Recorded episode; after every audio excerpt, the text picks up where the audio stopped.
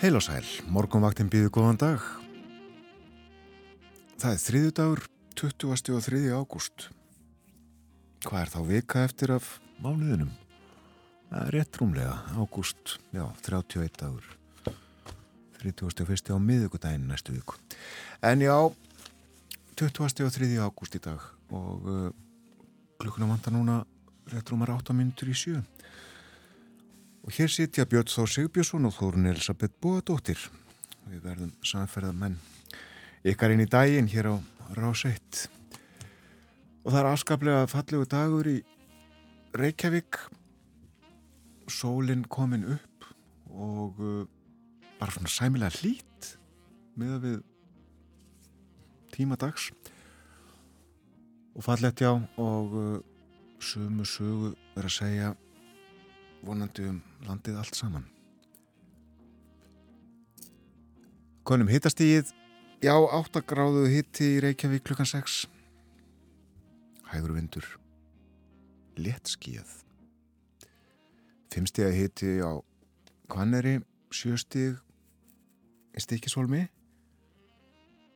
5 stíð á Patrísfyrði og 7 í Bólungavík, 7 stíða hitti á Holmavík, 5 gráður á Blönduósi, 60 að hitti á Söðunisvita og á Akureyri sem og á Húsavík. 6 gráðu líka á Rauvarhöfn og það er allstað að lokna þessum slóðum. 2 gráður á Grímstöðum 7 steg að hitti á Skeltingstöðum og Eilstöðum skíða á Eilstöðum 10 steg að hitti á Höfni Hótnafyrði 8 steg Kvískerjum 6 gráður á Kirkibæðaklaustri 11 steg að hitti á Stórhauða í Vestmanægum og 7 steg í Árnesi. Já, þetta er svona með líkum hættu um allt land, líkil atriði að það er, það er nánast logg og ef ekki er logg þá eru kannski 3-4 metrar á sekundu eitthvað svo leiðis vindræðin. Já, svona var þetta klukkan 6 í morgun og uh, við höfum að spáni. Já, hægviðri um landið allt í dag eh, en þó norðaustan 3 til 10 metrar norðvestanlands. Og það verður skíjað og þurft að kalla en þókumóða eða sult úti við austurströndina. En það er og verður samkvæmt spáni bjart á söðvestur hortni landsins. Í dag og sést til sólar eh, sumstaðar annar staðar líka. Og það gengur í norðaustan 10-18 metra á sekundu við suðausturströndina undir hádegi og fer að regna en 5-13 og úrkomu lítið í öðrum landslutum. Svo má gera ráð fyrir því að það verði víða regning á austanverðurlandinu með kvöldinu. Hittin 8-16 stig mildast á suðvesturlandi. Á morgun verður líka lengst af þurft suðvestanlands en annar staðar víða væta og norðaustan 5-13 metrar á sekundu. Það er, ef við skoðum spákortið, gert ráð fyrir 15 steg að hita í höfuborginni síðdeis í dag. Heiðskýrt og 15 steg að hiti og ennlýra í árnesi 17 steg að hiti þar. Og á morgun gert ráð fyrir 17 steg að hita síðdeis í höfuborginni Þetta eru nú bara hitatölur sem við höfum ekki séð mikið á spákortinu í sumar. Nei, útlýttur er að verði bara með betri sumardögum. Já, lítur þannig út í höfuborginni. Sérstakta að fara til vinnu, akka með ringbrötunni í morgun að gufaði hressilega upp úr vassmýrinni. Já. hérna einhver hitamunur sem að veldur þessu held ég kannu ekki svona náttúrufræðilega skýringar á þessu en uh, þetta lagðist auðvitað yfir hringbröðina og uh, svona í andartak þá hefði gangandi ekki séð handa sinna skil en ég var í bíl og sá handa minna skil en uh, það er nú líklegt að, að uh, þessu ástandi linni svona þegar, þegar lofti hlínar Já. eftir því sem lofti hlínar og það Einmitt. gerist með því að sólinn skíni og hún er komin upp sem sagt uh, sólar uppbrás í Reykjavík uh, þegar uh, klukkuna vantaði 17 mínútur í 6 þetta er nákvæmt sólalaga í kvöld þegar klukkan er 15 mínútur gengin í 10 ég fylgdist með sólalaginu í gær. Einstakt afskaplega fallegt sterkir rauðir litir á himni látt á himni auðvitað komur svona undan skíunum og uh, Snæfellsjökull stórfenglegur að sjá. Já uh, það hefur góð áhrif á fólk að fylgjast með sólinn setjast. Ég mislegt á dagskrá í dag uh, til dæmis tónlist og við hlustum fyrst á Didi Sharp. Now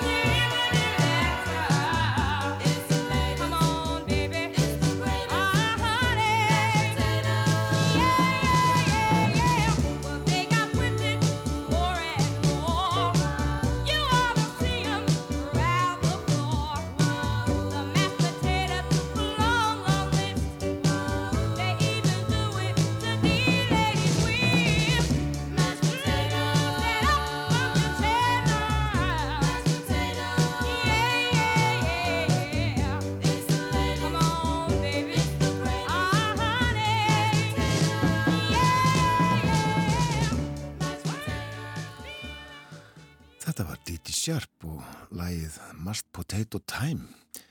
Ég verði að viðkjöna að ég hlustaði ekki grant á textan, veit ekki hvort að þetta fjallaði raunverulega um uh, stappaða kartaflur eða, starp, eða, eða kartaflumús eða, eða hvort að þarna verði að, uh, dulbúa eitthvað annað með, með þessari vísan. Það líður að fréttum, kom á slæðinu sjö.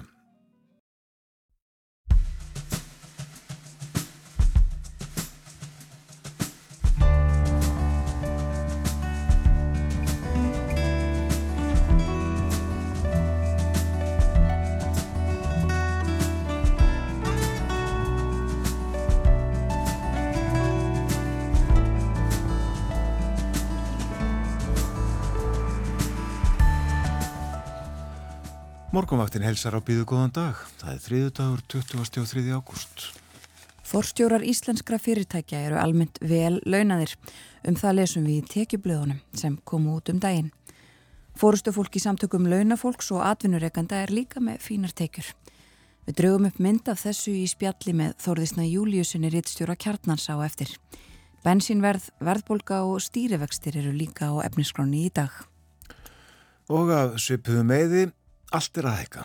Það er tilfinning fólks. Lánin, maturinn, hreinlætisvörurnar, fötinn, já, allar nöðsynjar og óþarfin líka. En er þetta raunin? Hefur allt hækkað? Og er hætt við að vörur og þjónusta hækki enn? Við veltum því fyrir okkur með auði Ölfu Ólafsdóttur. Hún annast verlags eftirlit hjá ASI, Alþýðusambandinu. Hún verður hjá okkur klukkan halv nýjum. Við ræðum svo bæði stjórnmól og menningu í Berlínar spjalli dagsins að loknum morgunfréttum klukkan átta. Artur Björgun Bollason segir okkur frá langvinnselasta stjórnmólamanni Þýskaland sem þessar myndir og svo heyrum við um Vagnirháttíðina þar sem íslenski söngvarinn Ólafur Kjartan Sigurðsson sló í gegn. Umsjónamenn morgumvaktarinnar eru Þórun Elisabeth Bóadóttir og Björn Þór Sigbjörnsson.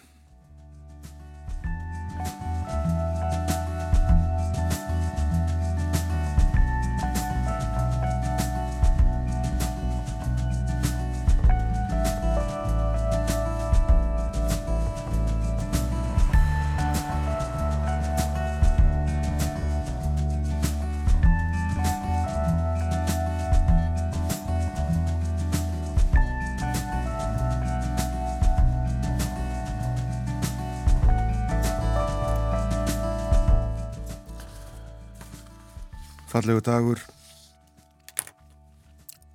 Akkurat núna eh, gott að koma út í Reykjavík í morgun og víðar um land sé ég á eh, upplýsingum frá viðustofunni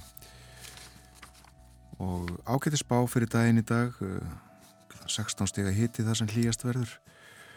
Aðeins að gangi himintúluna sólar uppbrás í Reykjavík þegar klukkunum vantaði 17 mínútur í 6 og sólar lag stundar fjórðungi eftir nýju og uh, á þingeri þá sólar uppbrás 20 mínútur fyrir 6 og sólar lag um hálf tíu leið kvöld.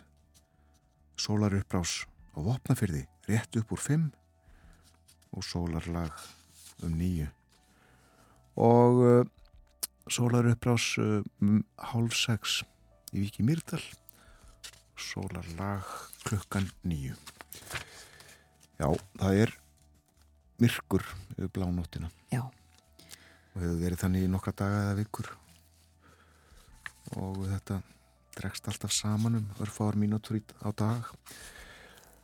En, eh, en njótu við þess að, að eh, vera í björtu snemma á mótana munum að morgunin er besti tími dagsins það, uh, því trúum við hér allavega en uh, já, veðurspáin hægviður í dag. En uh, þó norðaustan kannski 10 metrar á sekundu norðvestanlands. Og skíjað og þurft að kalla en þokum á það eða súld út yfir austuströndina svona er spáin fyrir daginn í dag.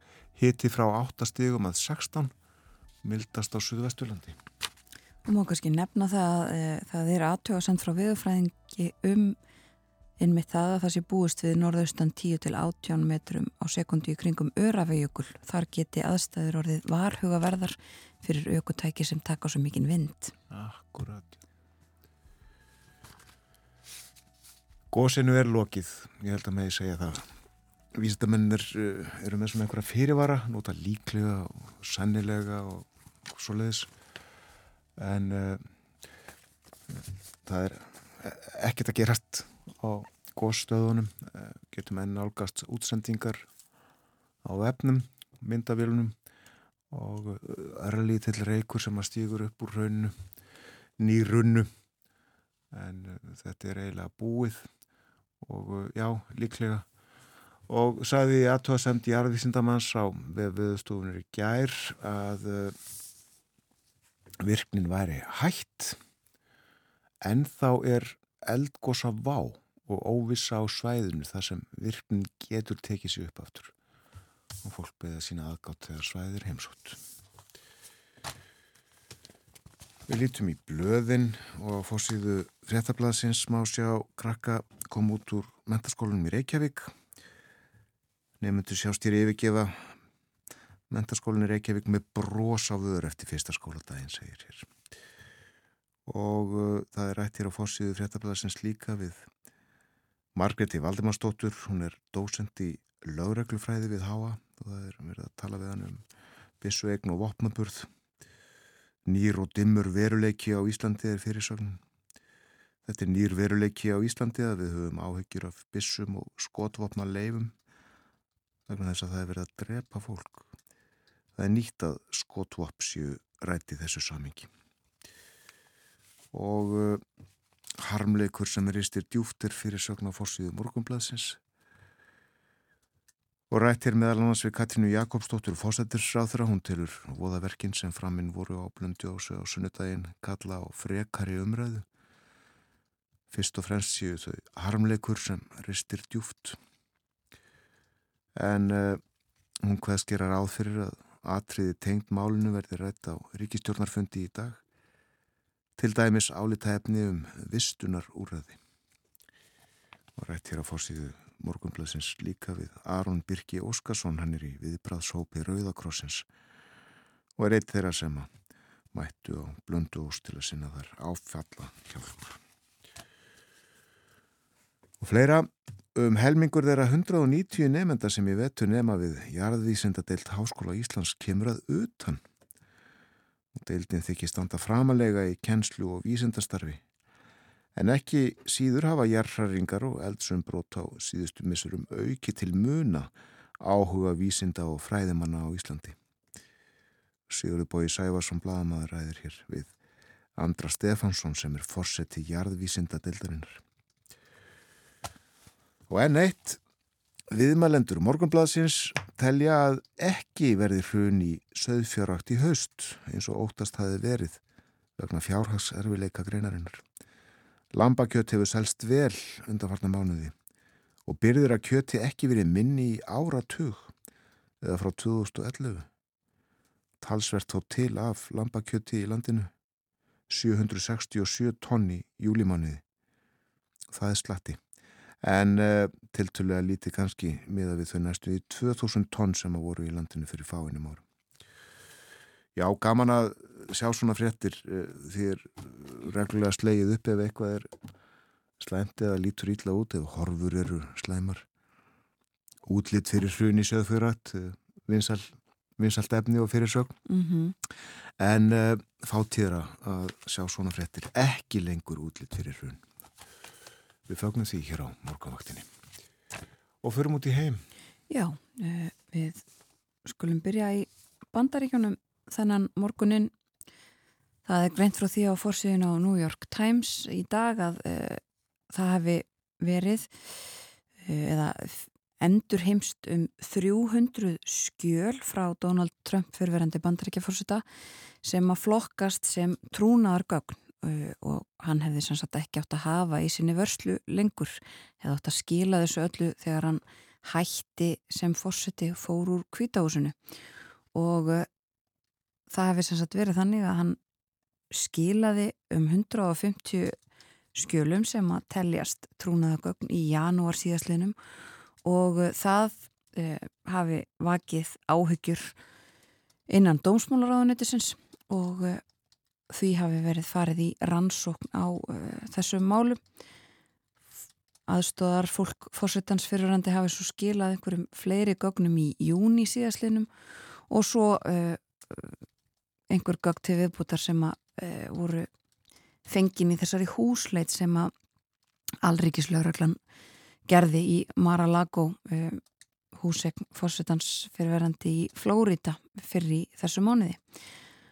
Og uh, nú er greint frá því líka í, í uh, öðrum fjölmjölum í morgunsárið að Trump uh, hafi kært stjórnvöld í bandaríkjónum vegna þessarar húsleitar sem gerð var. Hann vil koma í veg fyrir að uh, Alríkislauraglan geti uh, lesið eða skoða þessi gögn sem að lagt var hald á fyrir að búið þeirra skera úrum þessi mál fyrir dómstólum og uh, þetta er eitt af þessum stórum málum í fjölmjölum út í heimi í dag. Og uh, þar er líka fjallaðum uh, þessa uh, árás sem að gerð var á í Moskvu í Rúslandi sem var dóttir eins helsta áhrifamanns Putin sem að lést í bílasprengju. Uh, Stjórnvöld í Moskvu segja að þarna hafi verið að verki úkrænska leini þjónustan.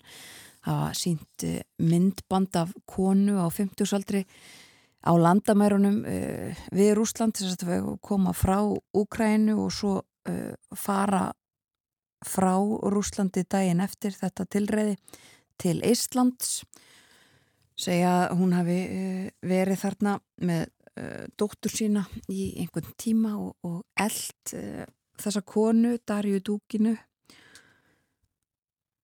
Og uh, ráðan af dögum en úkrænsk stjórnvöld hafna því alfarið að hún hafi eða þetta hafi verið á þeirra vegum. Þessi kona uh, sögð tengjast Asov sveitunum sem að, uh, eru alræmdar í Úkrænu og það uh, er óttast uh, í Úkrænu að, að það verði uh, einhvers konar hemdar aðgerðir vegna þessa máls nú þegar að Úkræna uh, heldur upp á eða þess er minnst að það er 31 ár frá því að ríkið hlaut sjálfstæði. Já, þjóðháttu ég dagur Úkræna morgun segja þér. Já, um, og mynd frá Kiev kænugarði á fórsíðun á New York Times líka um, börn að leika sér í uh, bíl uh, rúsneskum herbíl sem að sem sagt, var uh, hefur verið yfirgefin og tekin yfir af úkrænumönnum önnur mynd líka á fórsíðun á New York Times hún er frá Philipsheim af börnum ég hugsa að við sjáum um 100 börn á þessari mynd þau eru loksins komin aftur í skóla. Þetta er einn lengsta lokun tengslum við kórnaveru faraldurinn sem að verið hefur og, og uh, loksins í gær komist börn þar aftur í skóla. Og uh, það er áfram svipaðir hlutir á fórsíðum breskublaðana og verið hafa. Það eiginlega allstaðar fjallað um það að þessi uh, búistu því núna að uh, verðbólka í Breitlandi fari upp í 18% og blöðin velta vengum yfir því eh, hvaða afleðingar þetta mun hafa, uh, hvernig á fólk að uh, lifa af hreinlega er spurt einhver staðar. Og uh, þetta er bara í takt við það sem við höfum séð á forsíðanum síðustu afsakið síðustu daga og, og vikur. Og líka þetta fjallaðum uh, áfram baráttu Listras og Rissi Súnak um að uh, komast í dáningstræti verðanæsti fósettisráð þeirra ímislegt að segði hjá þeim. En uh, eigum við að líta aðeins í gömul blöð og eiga kannski inni uh, einhverjar fréttir frá útlöndum. Við fylgjustu þetta áfram með því sem að er að gerast svona eftir því sem líður á daginn. Það er mikið fjallaðan leikskólamáli í Reykjavík í síðustu viku. Borgar yfirvöld, stjórnmannamennir stóð ekki við gefin lofurð og uh, foreldra mótmæltu og uh, þá var greipið til einhverja bráða aðgerða sem að fóru nú svona og svona í foreldrana. Já, ég held að ég að mótmæla uh, áfram þrátt fyrir þessar bóðu aðgerðir held ég að sé það í fréttum Það er einmitt það. En uh, við lesum í morgunblæðinu frá novembermániði 1940 að uh, barnavillafélagið Sumagjöf ætlaði þá að halda uppi allvíðtækri starfsemi veturinn þann. Eftir nokkra daga verður stoppsett nýtt dagheimili á Amtmannstík, má það heita fullskipað. Svo nýbreytnin verður tekinu upp í sambandi við dagheimilið á Amtmannstík að hafður verður þar jafnframt barnagarður fyrir nokkur fjögur á fimm ára börn. Vegna þess að menn virðast ekki gera sér fullkomlega ljóst hvers konar starfsemi barnagarður er, þykir rétt að taka fram eftirfarandi. Þetta er eins konar leikskóli. Týðkast slík starfsemi mjög erlendis og þykir engar þroskandi og heppileg áður en hefð raunverulega skólastarf hefst. Börnin eru látin teikna, klippa, samanlíma, hnoða í leir, byggja úr klossum og svo framvegis. Þeim eru sagða sögur og látin syngja. Þá fá þau að handfjalla leikfung sem hafa uppeldislegt gildi. Já, á þessum á skilja að eh, leikskóli hafi fyrst verið starrættur á Íslandi 1940. Já, Og fánum dögum senna, þetta byrtist fréttinsrætt á morgunblæðinu, þá uh, kom í nýju kvennarblæði, blæði sem sagt, já, grein eftir Línei Bergson, sem hún fjallaði með þetta, barnagarður eða leikskóli. Frá leik til lífstarfs geti verið motto þessa litla skóla sem barnavinnafélagið sumagjöfinir nýbúin að stoppsetja. 20 börn á aldrinum 4-5 ára eru í leikskólanum undir handleðslu hinnar ágætu fórstuðu konu fröken Þórhildar Ólafsdóttur. Það þarf góða hæfileika til að stjórna barnagarði eða leikskóla. Fyrst og fremst er að kunna og geta umgengist börn á réttan og eðlilegan hátt. Öðlast trúnaða tröst þeirra, kenna þeim og leiðbina í leiksínum og gerðum, án þess þó að þvinga sjálfstæði eða vilja barsins. Þá að reyna eftir megni að uppræta og vinna á móti á allan hátt þeim eðlis tilfinningum sem kunna að koma fram hjá barninu og orðið geta þeim eða öðrum skadlegar eða engum koma að gagni. Þetta er bæði vandasamt og erfitt, en sumagjöfin hefur fengið mentaða hæfileika konu í þetta marg þetta starf, það sem frökan Þórildur er. Leikskólinn býr barnið undir hinn eiginlega skóla þar sem lestur, skrift og aðrar skildur koma.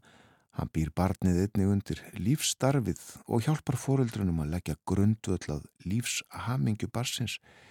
Hjálpar því að öðlast hinn rétta skilning á störfum og skildum svo það verði fært að uppfylla þær. Sérkvert sjálfstætt verk barsins, ef það á annar borð samræmist þeim fái en ströngu reglum sem skólinn hefur sett, verður að umberast. Við brjótum ekki af blómknappin ef við viljum fá fáur blóm. Sérkvert sjálfstætt verk sem barnið fullgerir færði gleði, eigur sjálfströst þess og það eigur óafitandi kröfunar til sjálfsíns þegar það finnur sköpunar mátt sinn. Og meira, það er þýðingamikil sönnun fyrir að sálar líf barsins sé í jafnvægi að það geti glaðst yfir starfi sínu þó ekki sé nema að búa til illa lagaða önd úr ofur litlum leirbita umhverfi sem skapast að börnum sjálfum er það eðlilegasta fyrir þau. Umhverfi sem skapast að fullornum er óeðlilegt börnum og þess vegna er leikskóli sá besti staður sem enga börn geta dvalið á. Þetta sagði Líni Bergson meðal annars í greininni í nýja kvennablaði um uh, barnagarðið eða leikskóla sem að þá var nýjung á Íslandi 1940. og uh, að því að við myndumst á barnavinnafélagi sumagjöf þá voru bara verið að gera samkomulag uh, við það, sem sagt borgin og sumagjöf gerðu samkomulag í, í gær þá að leggja borgarlínu uh, um eða við land sem að sumagjöf á og verið að gera samkomulag um þetta sem sagt steinahlýð leikskóli við enda Suðurlandsbrötar og Sumorgjöf áformar að skipulegja landi þannig að það nýtist betur til barnvæðnar, starfsemi og útivistar og áhugja á að fjölga leikskólaplássum á svæðinu en sem sagt borgarlínan getur farið þarna nærri eða yfir lóðina og verið að gera samkominlega um það hvernig á að haga þessu öllu saman. Já. Lásum um það í Guardian í síðustu viku að Björk var ekki ána með Katrínu Jakobsdóttur fósættisráður. Saði Katrínu hafa svikið sig og Gretu Thunberg um hverju svendar sinnan sænska aðgera sinnan. Og um hvað? Jú, um lofórð um að lýsa yfir neyðar ástandi í lofslagsmálum. Þetta á að veri 2019 og Katrín kom fram í fréttum og Sæði vissulega rétt að þær hafi verið í sambandi, hafi ræðist við og ef ég skildir rétt þá hafi komið til tals og álita að gefa út svona yfirlýsingu um að neyðar ástand ríkt í lofslagsmálum. En það var hins vegar niðurstaðan eftir að málu var eitt í ríkistjórn eða millir á þeirra að gera það ekki eiga hlusta á Björg. Gerum það. Vínus Essabói.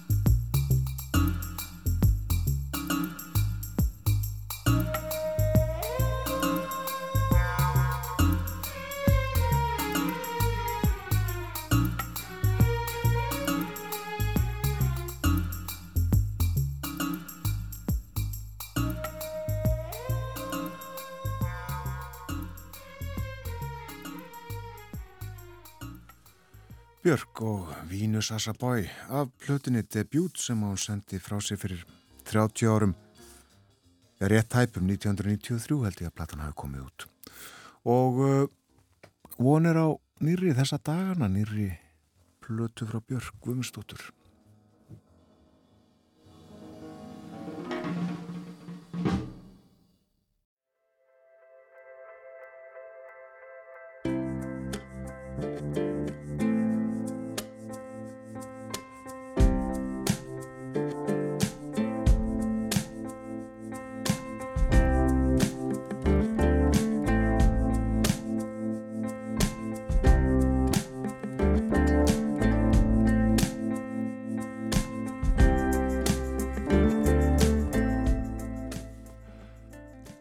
Hlusta á morgunvaktina á rás 1, þriðju dagur í dag, komin 23. ágúst, klukkan réttlilega hálf átta.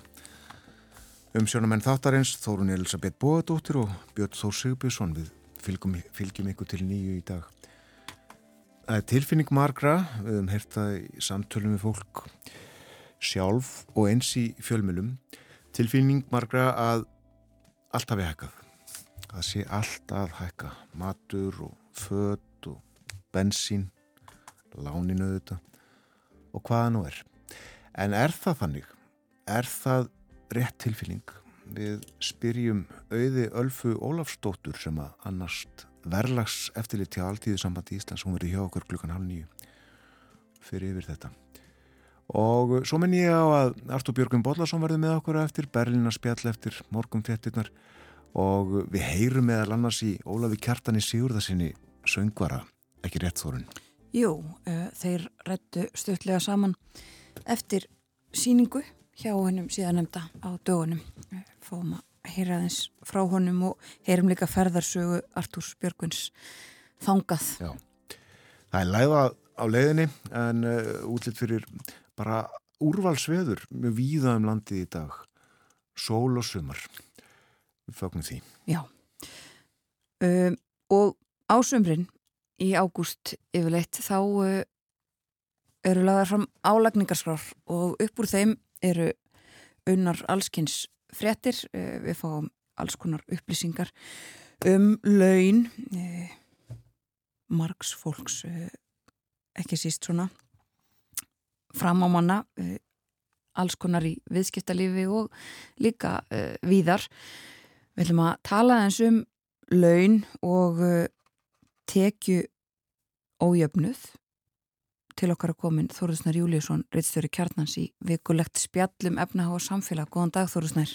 Góðan dag Þórun. Við ætlum að byrja á þessu, ræðum nú ímislegt fleira uh, síðar í spjallinu en við ætlum að byrja á laununum. Já, uh, eins og þú komst inn á þá hérna, er þessi árlegi samkvæmisleikur uh, þegar ymsir fjölmilar taka saman upplýsingar á rálætningaskrám þegar það leikja frammi og eru opnar uh, almenningi og fjölmjölum uh, og, og búa til einhvers konar mynd, ég ætla ekki að segja heildrana mynd, heldur er þetta einhvers konar mynd af því hvernig launum eru skipt í samfélaginu. Og ef við kannski byrjum á því að skoða frekar aðeins heildrana mynd og ASI gaf út í gær nýtt svona mánadar yfir lit það sem uh, þeir eru búin að taka saman sagt, hvernig tekjujöfnuður var í fyrra. Og þar komi ljós að tekju ójöfnuður jógst lítilega á milli ára. Og það því það sem þetta heldar tekju, skipting heldartekna, það var ójöfnuður á milli þeirra, hann jógst lítilega á milli ára. Mm. uh, það sem er kannski líka aðtiklisvert í samantækt ASI er það að uh, það eru rástöfunatekjur uh, efstu tíundarinnar, það er að segja 10% sem eru með hæstu hildartekjurnar, það eru ekki bara um launatekjur, heldur fjármakstekjur líka og annað. Uh, þær jökust uh, vel umfram tekjur annara, það er 10% hækkun hjá efsta 10% en meðaltalshækkun allra var 5,1% þannig að hérna, allir hinnir voru með minn, mjög minni lækkun miklu minni hækkun fyrir ekki og uh, það er líka aðeinslega að skoða að skattbyrði þessara efstu 10% hundróst saman á melli ára, lítilega að með að skattbyrði allra annar að hópa jógst lítilega þannig að uh, þá fyrir maður að klóra sig aðeins í husnum Hvað er rúklar þetta? Já, það ástæðan er svo að, auðvitað, að þeir sem eru í þessu kannski efsta tekjulagi, þeir bjóða borga frekar fjármastekjuskatt og fjár, borga ekki útsvar til að mynda eins og við launafólkið gerum uh, út af því að fjármastekjur eru undarskildar útsvari. Þannig að það er 22% skattur af fjármastekjur á meðan það eru allt upp í 46% af laun. Uh, og, og þarna liggur auðvitað munurinn.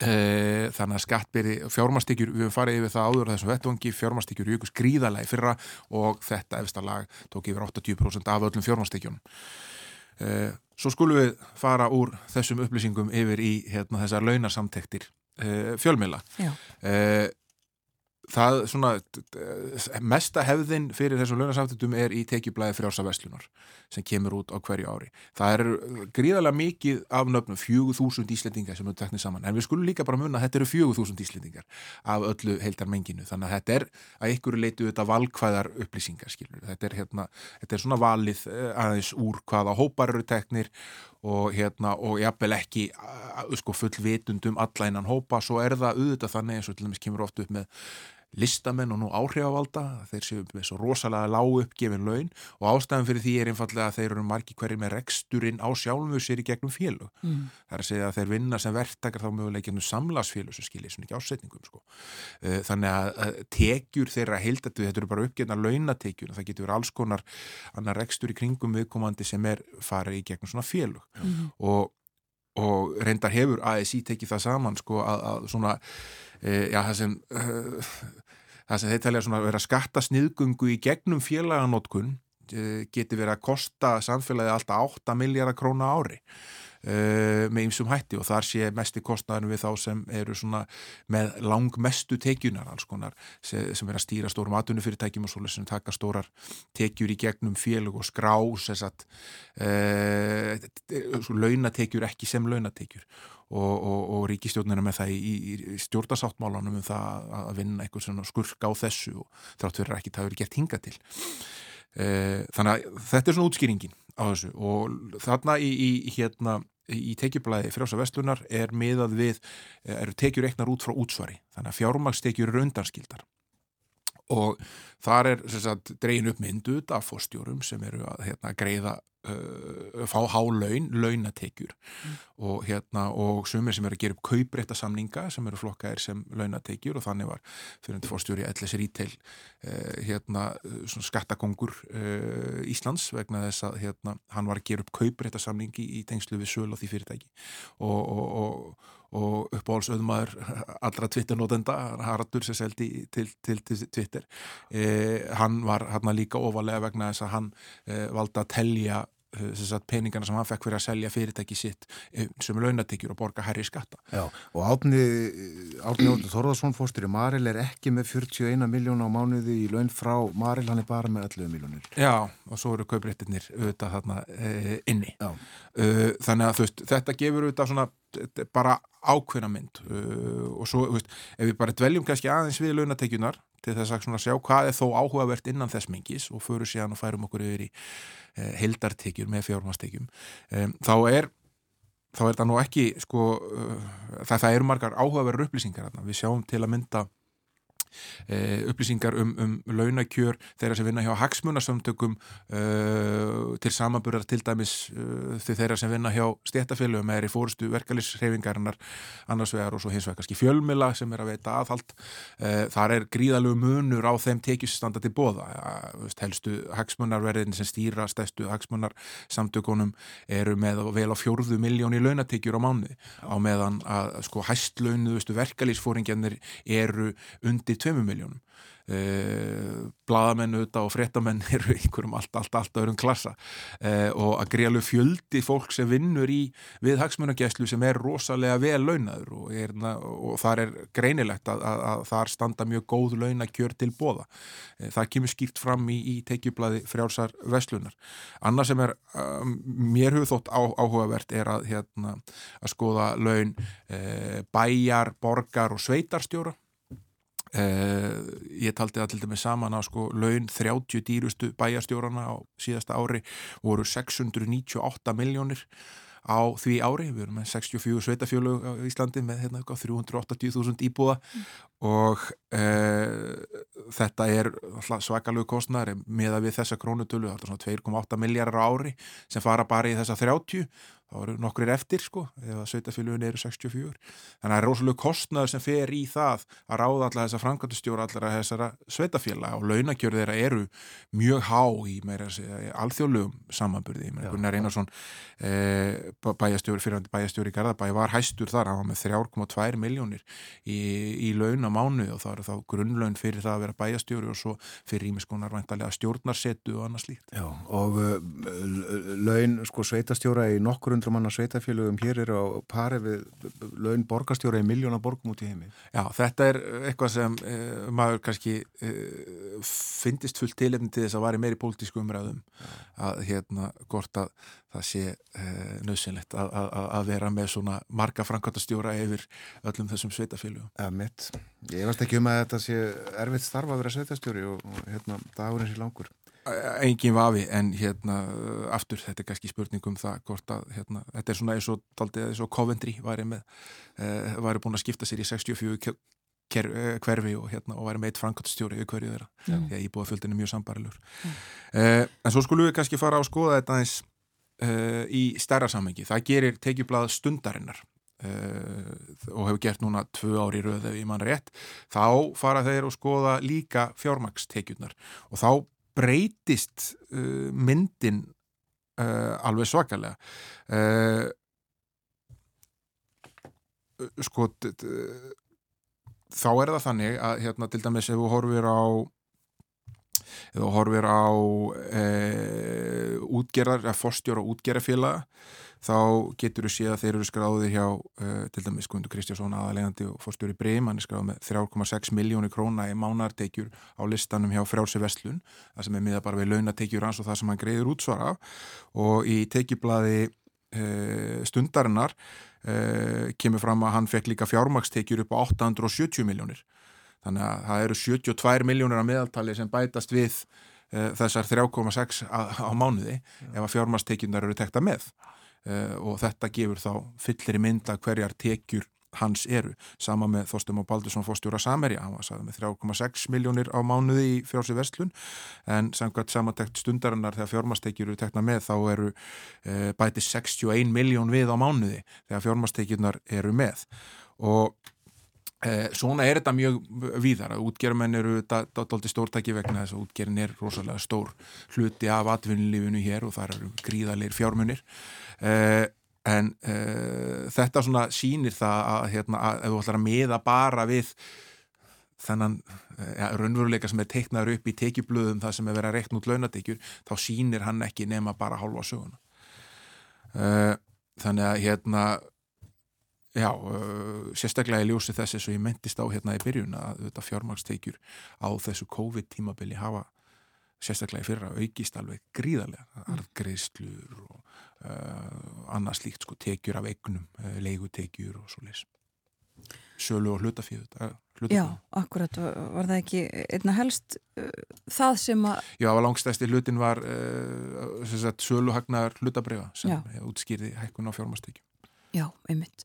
Og þetta er svona uh, stóra myndin í þessu ég var að fara aftur í svona það sem venjulega fólki þeirra velta fyrir sér dagstælega sem er kannski bensínið.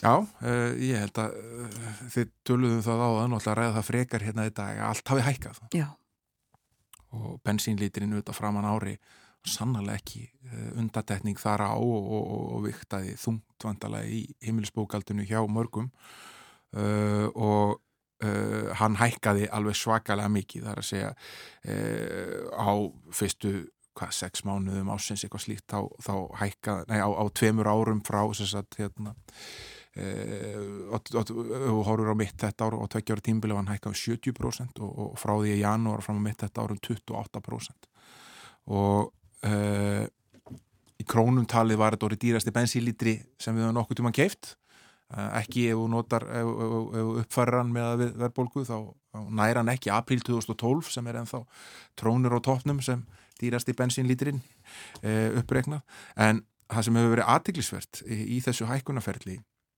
er það að uh, þrátt fyrir að, að, að bensinlítin hafi hækkað svona mikið þá hafa oljufélagin ekki verið að velta öllum hækkunum út í verðlæði.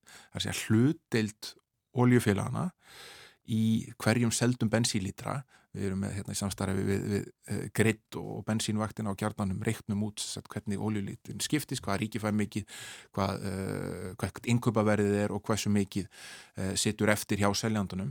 Þá var hlutdeild uh, oljufélagana að dragast verulega saman það sem að vera ári.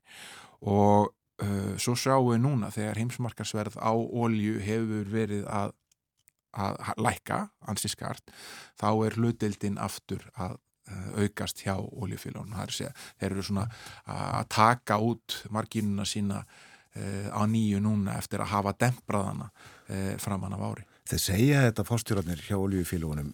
Já, við höfum ekki veitt allri hækkuninni út í verðlægið. Það er einhvern veginn þannig að við verðum stegar svolítið erfitt með að trúa þeim. Já, en uh, sko, samkvæmt þessu módeli sem við stiðust við, þá, þá liggur þetta nú uh, ágætlega fyrir. Uh, líklegt innkaupaverð að bensinni um, um miðjan þennan mánuð var 115 krónur og hafði lækkað um 22% á tveimur mánuðum og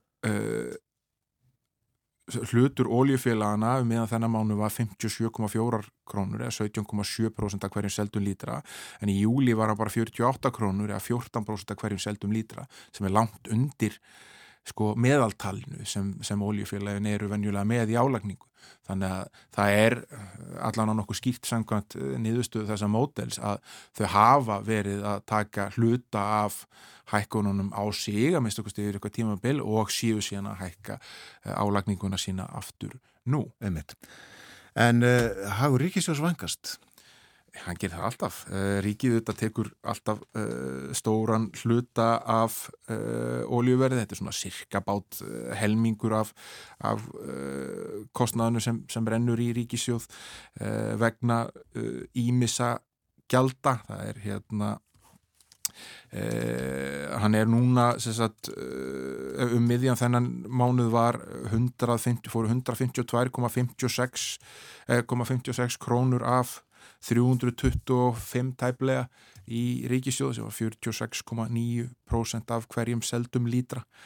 Og þetta er vegna virðisauka skatts, almenns og sérstaks bensingjalds, kólefnisgjalds sem ríkið uh, tekur til sín af uh, þessu. Og þetta er auðvitað uh, tilgangurinn á bakvið að mista okkur til hluta þessari uh, innrukkunu er, er, er til þess að standa ströym af, af framkvæmdum á vegakerfinu og hafi þetta búið að bóða stórar breytingar á þessu meðal annars vegna þess að hér eru þetta konum ekki ramagsbílar og þeir borga ekkert af þessum gjöldum uh, í ljósa þess að þeir nota ekki þetta elsniti þannig að hérna uh, það verður mjög áhugavert að sjá hvernig útfæslan á því verður endanlega, það eru komin svona hugmyndinu það að það eru farið eftir uh, bara einfallega notkun og þyngd bifriða. Eh, það verður bara svona mælt kilometra fjöldin sem þú keirir og, hérna, og, og, og það verður öruglega mjög áhugaverð uh, pólitísk umræða sem bitnar mismunandi á ymsum hópum og, og við höfum öruglega eftir að heyra mjög skipta skoðanir á því. Það er líklegt, já. Uh, þetta var um bensín, meira um verðlag hækkanir uh, milli hálf nýju og nýju. Þá verður hjá okkur starfsmæður Alþjóðsambands Íslands, auður Alfa Ólafstóttir sem að vaktar verðlag í landinu.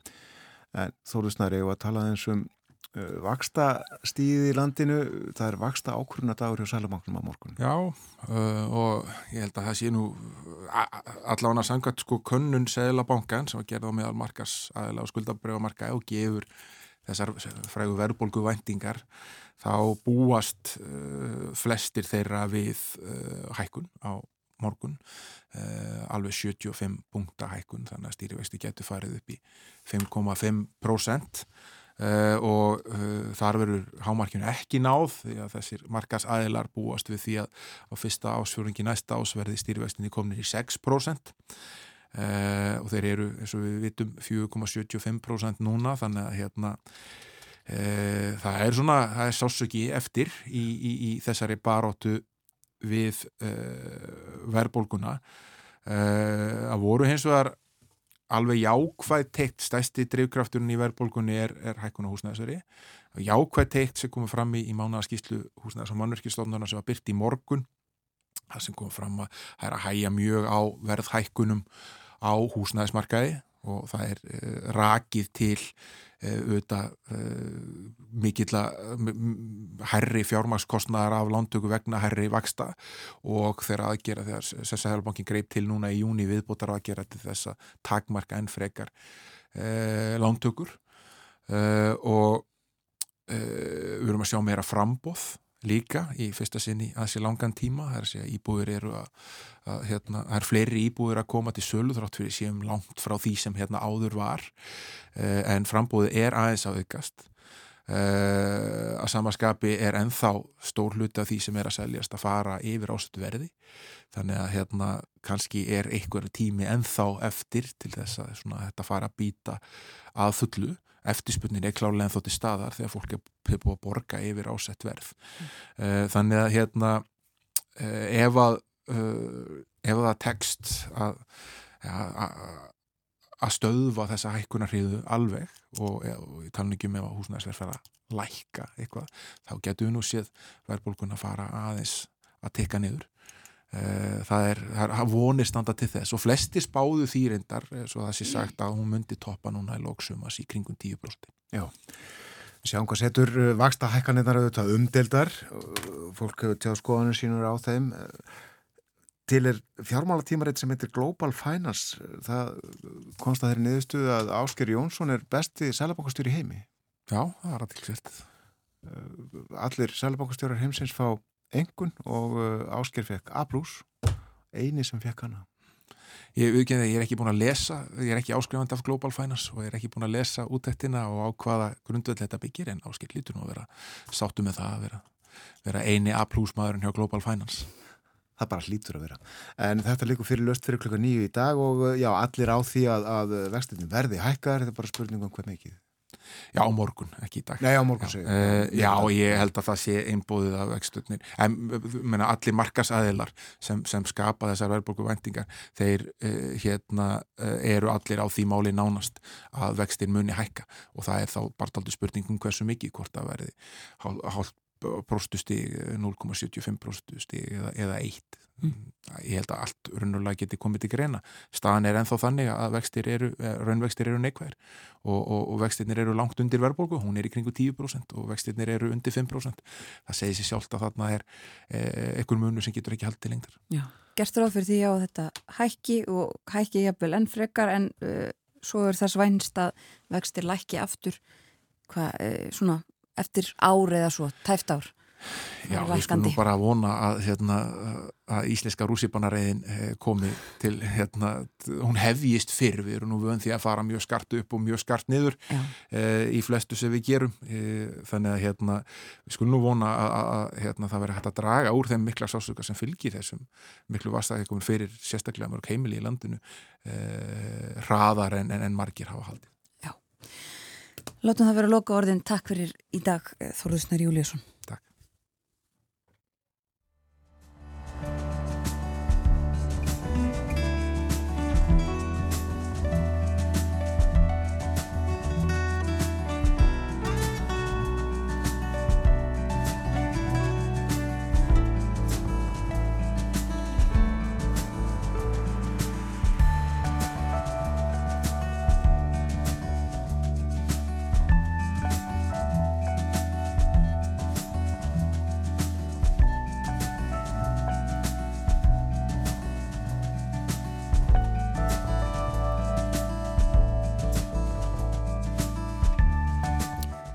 Þorðusnar Júliusson Ritstjóri Kjarnans eh, haldin út í daginn. Rættum síðast um verðbólguna og stýrivexti stýrivexti ákvörun á morgun og meira um verðbólguna hér á eftir upp á klokkan hálf nýju en það líður að fréttum þar kom eftir rúmar 5 minútur frá fréttastofunni og að þeim loknum þá höldum við til Þýskalands og spjöllum við Artúr Björgum Bollason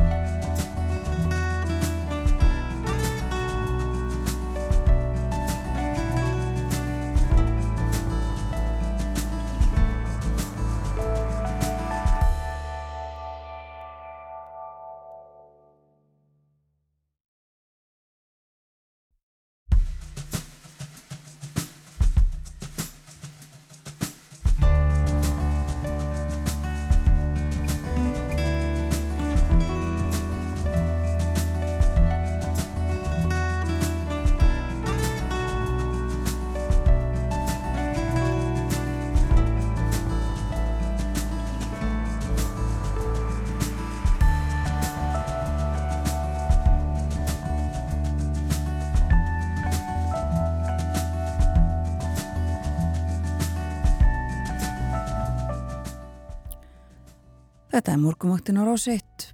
Klukkan 6 mínútur gengin í nýju, það er þriðu dagur í dag, komin 20. og 3. ágúst. Og hér fyrir fréttinnar rættum við, uh, við Þórsna Júliusson, reittstjóra kjarnans, vikulegt spjallum efnahag og samfélag dag, á dagskráni. Meðal þess sem við rættum voru laun. Komu í síðustu viku þessi tekjublöð álagningar, upp úr álagningaskrám og ymsar upplýsingar sem að hægt er að taka út úr þeim. Þorður fór yfir ímislegt og uh, svo rættum við líka um bensínverðið og verðbólgu og stýrivexti. Það er stýrivexta ákvörðun á morgun hjá Sælabankanum og gert ráð fyrir því eh, allir markasaðalar gera ráð fyrir því að þeir hækki en uh, hversu mikið kemur í ljós eftir sólarhinga eða svo. Og hér á eftir ræðum við meira um verðlægið. Hefur verð á vörum og þjónustu hækkað? Hversu mikið? Hvað hefur þá hækkað og hvað ekki? Auður Alfa Ólafsdóttir eh, er í verðlags eftirliti alþjóðsambandsins. Sér um það og hún kemur til okkar upp úr klokkan hálf nýju.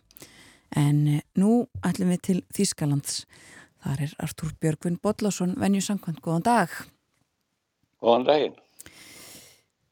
Eigum ekki að byrja á því að spyrja hvernig veðrið er? Það er nú bara þokkalegt. Það er vissu sólar lítið sem stendur en verður því 23 fjöra stegi hitt í dag og, og næstu daga og vist eitthvað aðeins að hækka og skrýði fyrir 30 gráður mitt og dag á næstunni en annars er þetta bara dásan og sumar veður. Já. Það er þá gott. Það er líka ágættis veður eh, aldrei þessu vand í sumar hér í Reykjavík. En við ætlum að spjalla um stjórnmál og menningu í dag, Artur, og byrjum á stjórnmálunum. Já, það er nú að því að þú varst að minnast á verðlag á þann að þá uh, á Íslandi að þá uh, er það náttúrulega verðlagsmálinn sem sem að taka mikið rými hér í fjölmiðlum og, og í tali fólks og nú er mikill uggur í fólki vegna yfirvofandi orkuskorts og síhækkandi verðs á, orkunni. Og uh, sömulegis þá eru það margir, sérstaklega þeir sem eru efna minni, sem óttast að, að orkuverði muni ennþá hækka meira með höstunni þannig að það geti orðið erfitt að borga hittareikingana þeir upp að staðið. Og menn það var líka verið að gera því skona að verðbólgan bæti nú ekki úr skák. Og svo hafa með bent á ef að ástandi versnar ennþá meira þá geti jafnvel komið til fjölmennir að mótmæla ef ekki bara uppþóta og ekki síst í östurluta Þýskalands. Og einmitt annarlega Berbók utarriðsæðar er léttu árfall á dögunum að hún óttaði svona fjölda uppþótt með, höstinu ef ekki tækist hemmja verðbólguna og halda orkuverði í skefjum og En í þessu samandur minn aðal að horfa á Saxland, fylki Saxland, en þar hafa andóshópar af einsutægi fengið mestan vind í seglin og uh, það má nefna til þess að í Saxlandi þar uh, átti Pegida-reyfingin svo kallega upptök sín á sínum tíma og hér er lemmis uh, hægri aukaflokkurinn AFD, alternatífi fyrir Deutschland, lang stærsti flokkurinn, það fyrir flest aðkvæði síðustu þingkortningum, þannig að Saxland er svolítið sér á parti. Já. Og hér eru svo hópar að borða við hverdengi sem við kalla bara þverhausa eða ræksburger, ríkisborgara sem eru líka sterkur andóshópur þannig ekki fjölmenni. En hérna eru þessir hópar langstærstir og þetta er allt hópar sem hafa látið tölvist að sér kveða og letu mikið að sér kveða í mótmælum gegn sótt vörnum á meðan að COVID-faraldurinn stóð sem hæst og helt uh, samfélaginu hér í helgagripum og síðasta og næst síðasta ári. Og, og uh, Í faraldurinu var líka til í Saxlandi lítill flokkur sem kallar sig Frjálsa Saxa. Og hann er núna, við vera á hullu, að virkja þá sem tókur þátt í mótmælum gegn sótvörnum yfirvalda til þess að mótmæla hitta, hækkandi hittareikningum og, verbulgu og það er sem sagt talið að, að, að þessi hópur, hann er nú ekki stór, eða var ekki stór en hann hefur eitthvað verið að sækja því veðrið og nú er haldið að, að þessi frjáls og saksa séu konur orðin svona 360.000, það er nú ekki, ekki mjög fáment og, og þeir semst að henda það að það verið brúðist svo leiðis við þessu hækkandi orkuverði að menn bara skrúi frá bálum gaðsleisunum bæði Nord Stream 1 og, og Nord Stream 2 sem að rúsar hafa verið, já, Nord Stream 2 náttúrulega var aldrei tekin í gagnið en nú er tilbúin og, og það er búið að fara margóft yfir það í fréttum að rússar hafi verið að takmarka gasflæðið Nord Stream 1 leiðsluna en, en þessi með segja það var bara að opna fyrir báða leiðsluna og setja alveg fullt blast á gasið þannig að, að hérna, eins og ekkit úkræðinu stíð hefur nokkuð tíma verið og, og þetta sem sagt er nokkuð sem að, sem að uh, mannum þykir svolítið skelvandi ef að þessir hópar fara á stað og fara út á göttunar og, og virkja sem sagt uh, þá sem eru þá sem eigum sátt að binda vegna þessara hækkandi orkuverðs og vegna verðbólgu. Þannig að verðlagsmálinn gætu orðið ansi mikið hittamál, bæðu innan þings og utan þegar það kemur fram á haustið. Akkurat, já og þetta er svo sem ekki bundi bara við Þýskaland en, en svona sérlega samt mikið og mikil umræða um þetta um, og í þessu öllu saman þá uh, er viðskipta á umhverfisráð þeirra í, í, í ringuðinni græningin Robert Habeck.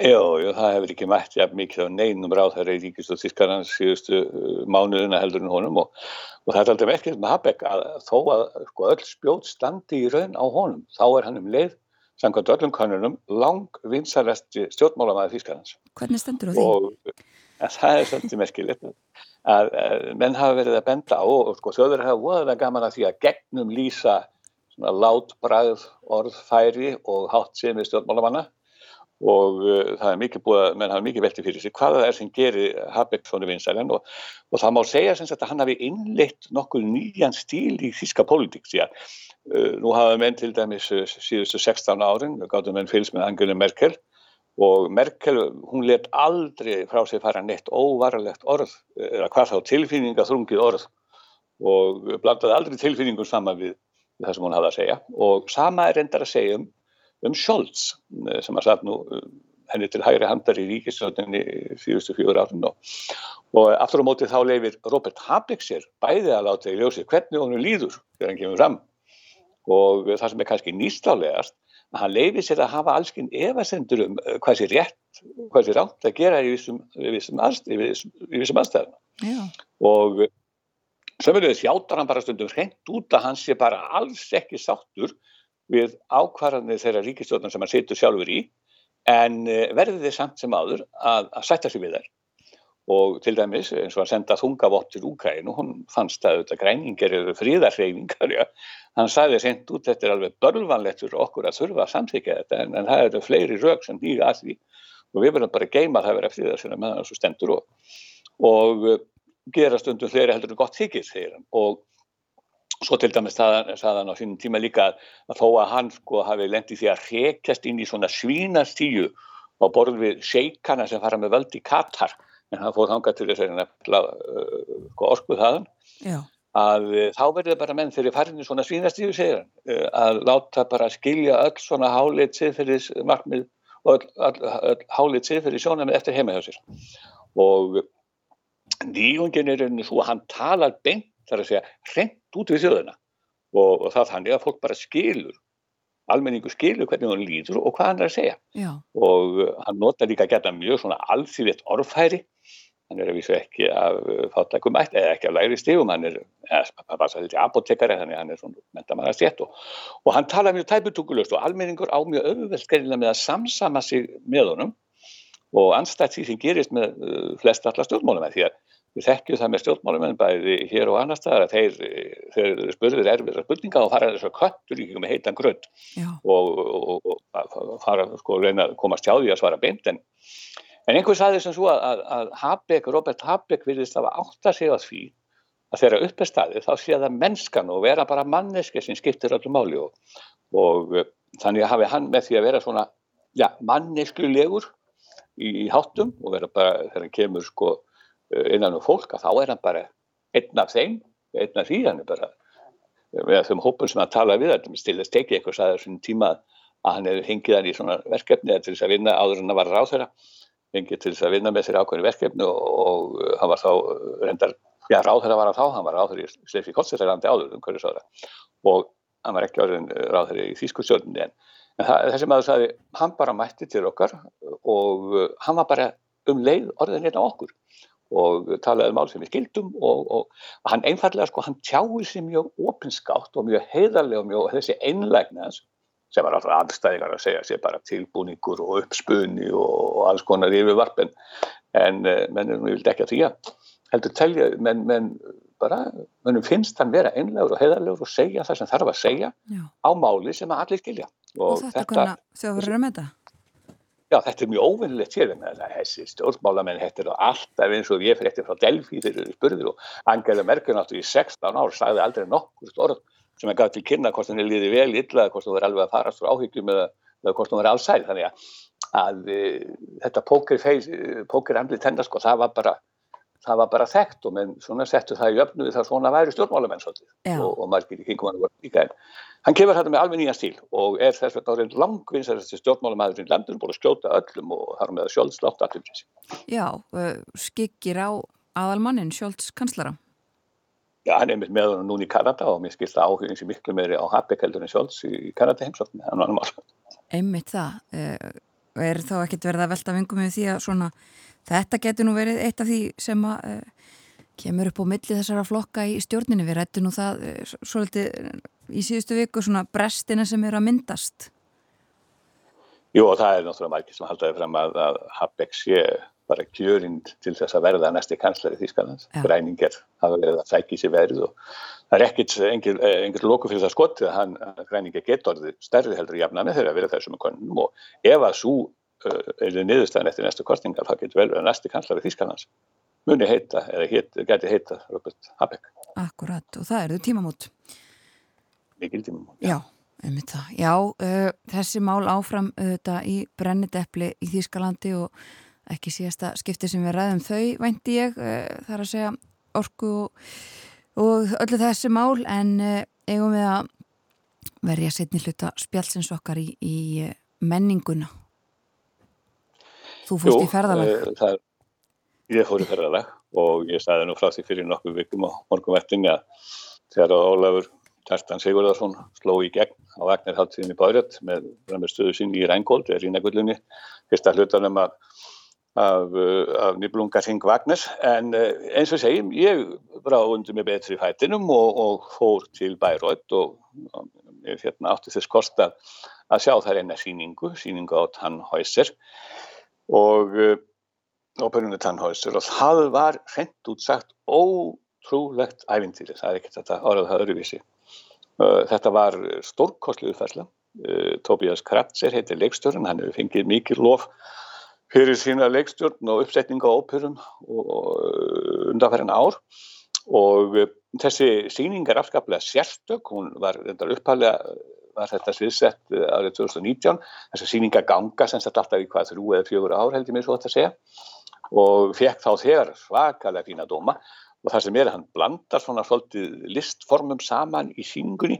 Stundum er sko er, er grifjan í, í höllinni tvískipt, eða að segja sviðið er tvískipt, helmingur svona sviðinu er kvikmynd sem sýnir það sem er að gera baksvist til dæmis stundum. Og, og hérna og síðan verður að leika á, á, á sviðinu sjálfu hann blandar sem sagt kvikmyndalistinni mjög mikið inn í þetta og gerir þetta á snildarlegan hátt og þetta er svona sambland af af svona svolítið eldra yfirbræði yfir þessar ágæta verki sem fjalla náttúrulega um átökin milli góðs og íls í mannsálinn, það er að segja aður sem ekki getur gert upp fyrir sig hvort hann á að elska þau góða í líki, líki fægurar konu og gæða konu eða, eða, eða illa í líki, í líki hérna tál konu sem að reyna að draga tálar, Venusar sem er svona ímynd uh, holdleira nautna og físna. En uh, Þetta, ég, ég var einmitt að hugsa það þegar ég horfði á þessu síningu, þetta er svona kannski svolítið viðbótið þar sem Vagnar vildi sjálfur gera, því að hann var að skapa svona ekki samtkunstverk eins og það heitir, eh, listaverk sem tók til allar listgreina, það er að segja texta, eh, mynda, sviðsmynda og, og söngs og tónlistar, en eh, þarna bætir bara eh, leikstjórun, eh, má segja, kvikmyndalistinni við, sem er alveg stórkostlega frábært. Og og hérna þetta er óskaplega ég kynnti mér um svolítið þarna hátíðinni þarna þetta er alveg svakalega magnað að fylgjast með þessu æfindir sem þetta er í gangi. Það er kannski kærlega sem átt að segja því að, að það eru sko 800 mann sem vinna að koma að þessari uh, hátíð Einmitt. það er fjöldi verka eftir Vagnar þetta er sex vikur sem þetta stendur fjöldi verka síndur eftir Vagnar og gestir koma úr öllum heiminum 60.000 uh, manns koma þetta gestir í hverju árið og það er ganga síðan að húsið var tikið í nálgun 1876 þegar í 140 ár. Og, og það er líka annað þegar maður setur í þessu 2000 manna húsi að, að eh, þá er hlumburinn svo magnaður, það er mann sem haldaði frem sem þetta því að Vagnar beitti ákveðinni tækni þegar hann lét byggja þetta hús hljómsveitin sést ekki, hún er ofan í grífinni og hljóðinu er varpað sem að hljóði kemur upp á veggi fyrir ofan hljómsdagrifin og, og endur kastast út í salin og svo er alltaf fram að þessi hver ekki heiminum betri sjónbörður í nokkru húsi heldur sem í Vagner uh, hörlinni þannig Böðrætt. Já. Þetta er sem sagt mikil upplýð. Það er bara svo leis. Og þú Já. hittir og, og spjallaðir við uh, Ólaf Kjartan Sigurðarsson.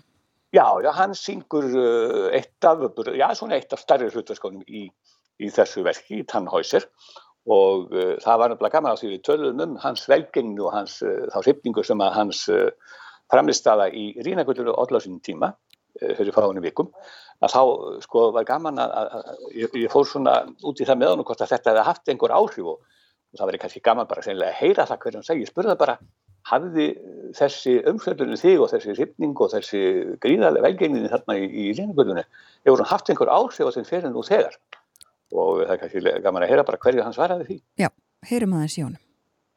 auðvitað bjóst ég við svona jákvæðum áhrifum á minn, minn feril að fá bara þetta tækifæri að syngja þetta stóra hlutverk í nýjum niflungarring í Bæraut en eh, viðbröðun hafa verið eh, sko línu, línu líkust og, og, og mun meiri en ég þorði að vona bæði hvað varðar eh, umfjöllun í fjölmiðlum hreinlega um allan heim og, og eh, síðan hafa viðbröðun ekki látið á sér standa. Jafnvel þó að núna í ágúst séu já vel flest óperuhús sérstaklega í Evrópu en þau frí eh, þá eru komnar inn nokkrar afar bitastæðar bókanir sem bein afleiðing af, af eh, frumsýningun á ringnum sérstaklega rínargullinu þar sem ég fer með mjög stórt hlutverk.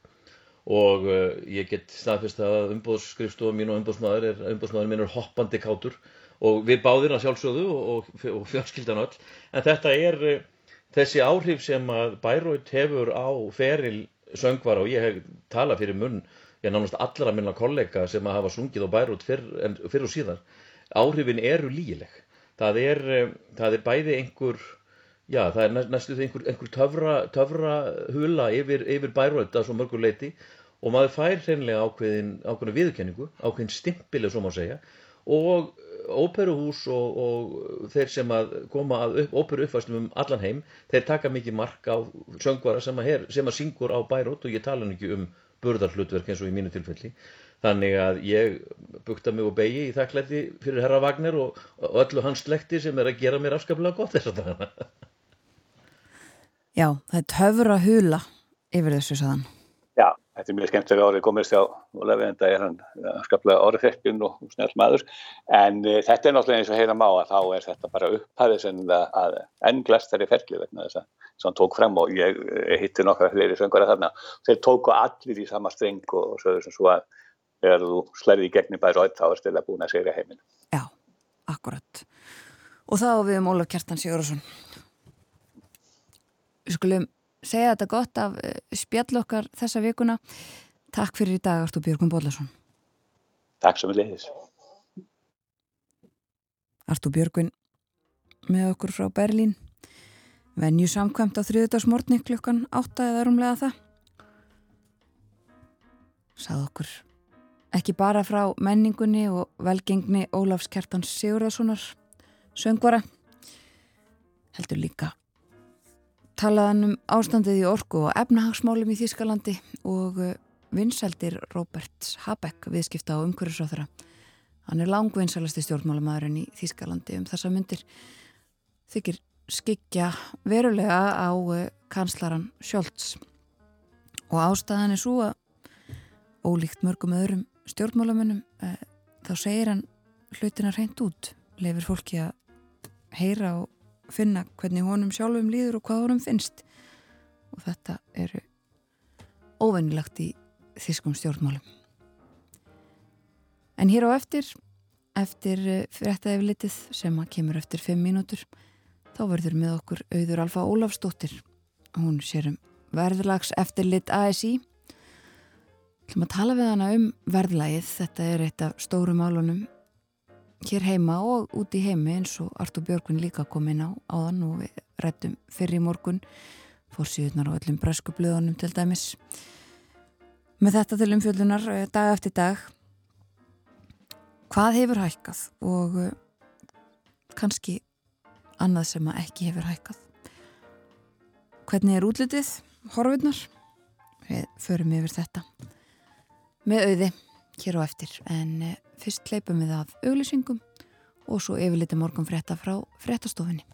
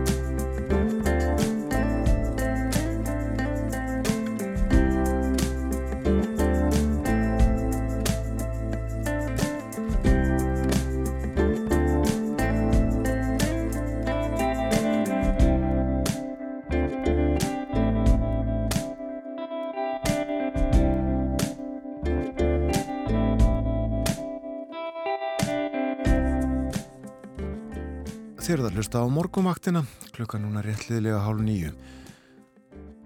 Búist við hægviðri í dag, víða, en uh, vindræðin 3-10 metrar á sekundu norðvestanlands. Og það verður skíjað og þurft að kalla, en, það er alltaf en, en þokumóða eða súld úti við austuströndina. Hitti í dag 8 til 16 stig mildast á Suðvesturlandi. Já, útlitt fyrir fínasta veður víða um land í dag.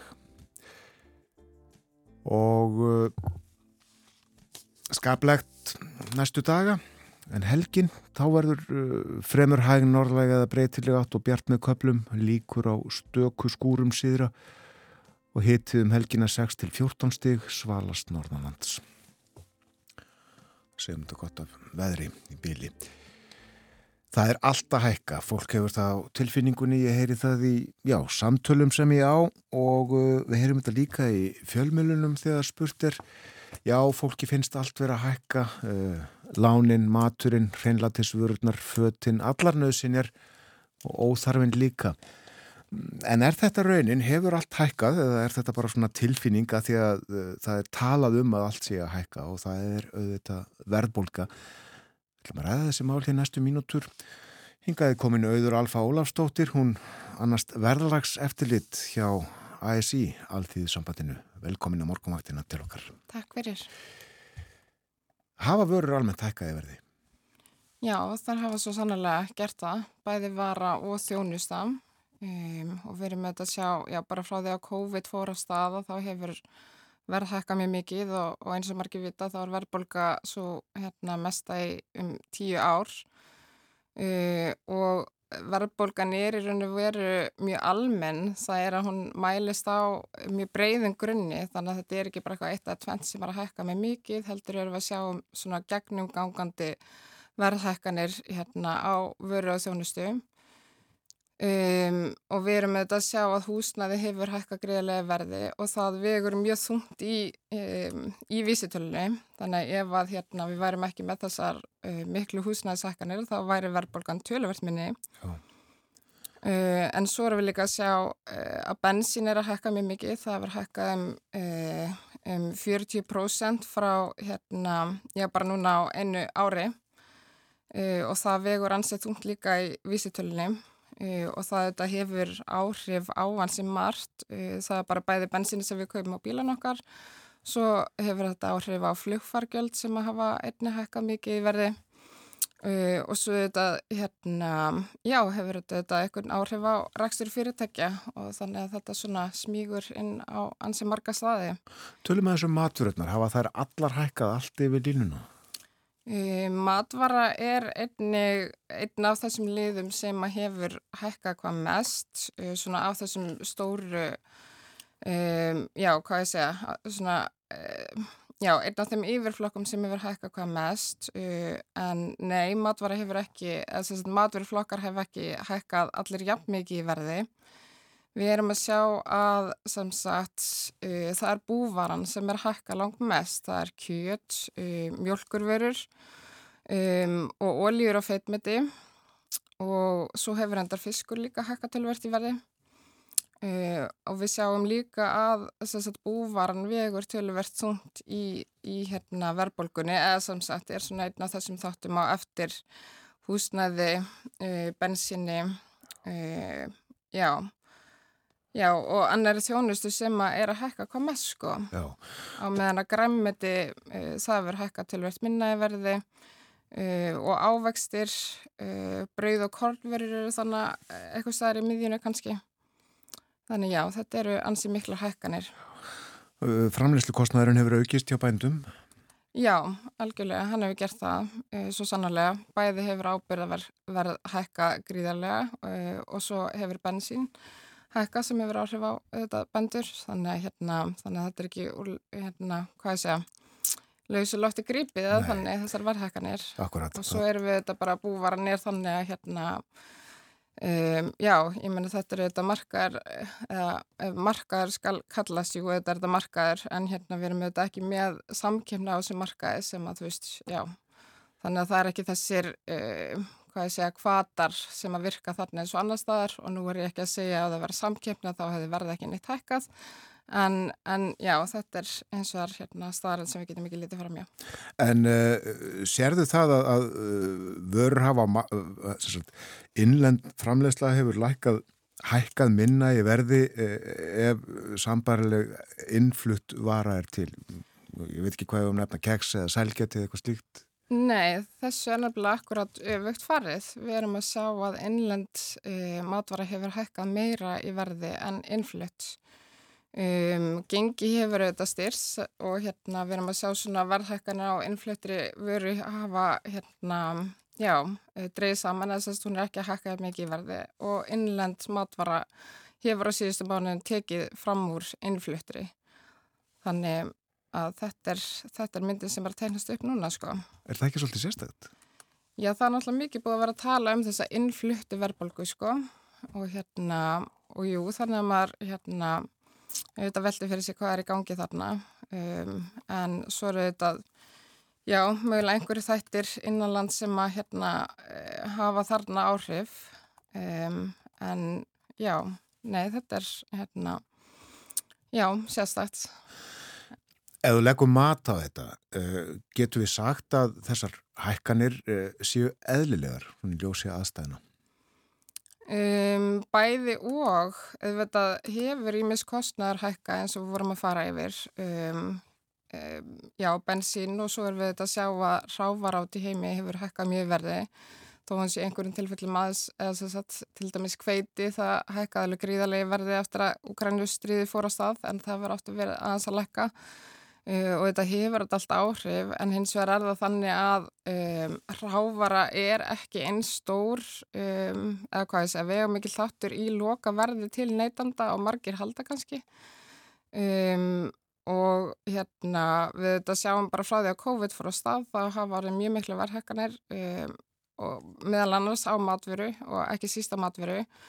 Uh, og gengið þetta spilaði þar inni, það vektist hansi mikið en núna er gengið komið á sama stað og það var fyrir COVID og hefur uh, styrst mjög.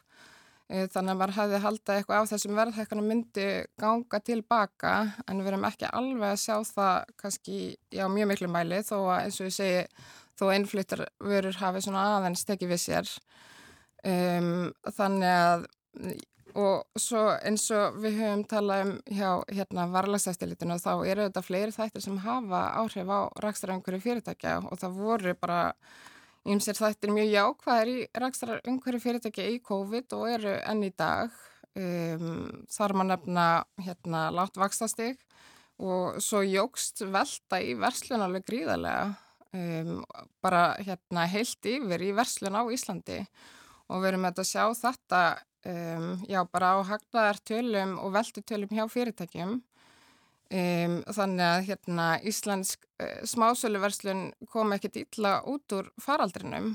Um, svo fóru nýttu í mörg fyrirtæki sér stöðuna fóru í ymsar, hérna, hvað ég segja, svona breytingar og þú veist, fóru að auka skilvirkni, það voru, hérna, ef við tölum bara matveruverslanir, af því að, hérna, já, það er svo nærra okkur að þá, hérna, voru innleitir, inn, innleit þessi kassakerfi eða sjálfságreislu kerfi um, og, hérna, og bara almennt hjá stórum fyrirtækjum að þá hafa þau í raun og veru, já, hvað ég segja, bara hérna tæknivæðingi verið aukist mjög mikið og þessi stóri stöndu fyrirtæki nýttu um, já, þetta tæki fyrir mjög vel til þess að til þess að auka skilverðinni hjá sér sem að þetta bætir hérna uh, raksturinn Já, þannig að það eru já, ymsir þættir sem að hafa verið mjög jákvæði líka og ætti að vega upp á móti já.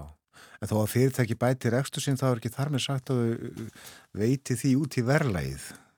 Nei, nei, þú meinar að hérna það er ekki þar með sagt að neytendur njóti góðs að því Akkurat það Nei, sem ég ætlaði það að var segja. nefnilega svolítið málið Já, Um, og hérna og það er mjög sérstakt að einhvern veginn að sjá forsvarsmenn bæði samtaka fyrirtækja og svo hérna stóra verslanarkeði að stíga ítrekka fram og tala um að hérna að verðhækkanir séu algjörlega óumflýjanlegar og það sé bara hérna stríðsástand út í heimi og, og hérna um, já og og já, þetta sé algjörlega óanflýjanlegt og, og svo sjáum við bara hagnaðartölum hjá þessum fyrirtækjum að þau eru að skila mörg hver með hagnaði.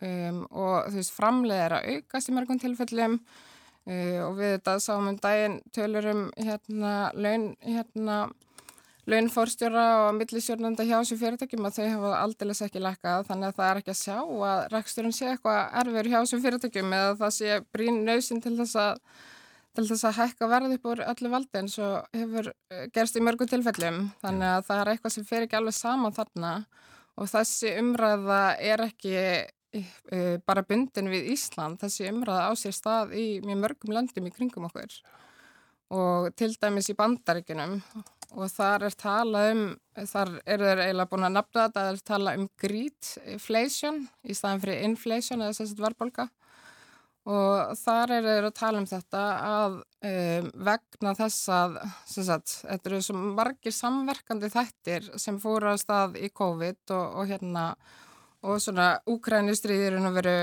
framlengdi það e, að á sama tíma og frambað á ímissi veru að þjón, þjónustu e, dross saman að það jógst eftirspurn gríðalega það fólk hafði meiri peningamelli handana um, og og það hefur raun og verið ekki verið kannski mikill kvati fyrir fyrirtækinn til þess að halda aftur af verðhækkanum. Þú veist, það er bara nóg eftirspurn og sérstaklega á þessu mörgum þar sem að hérna, já, er verið að selja nöysinu veru.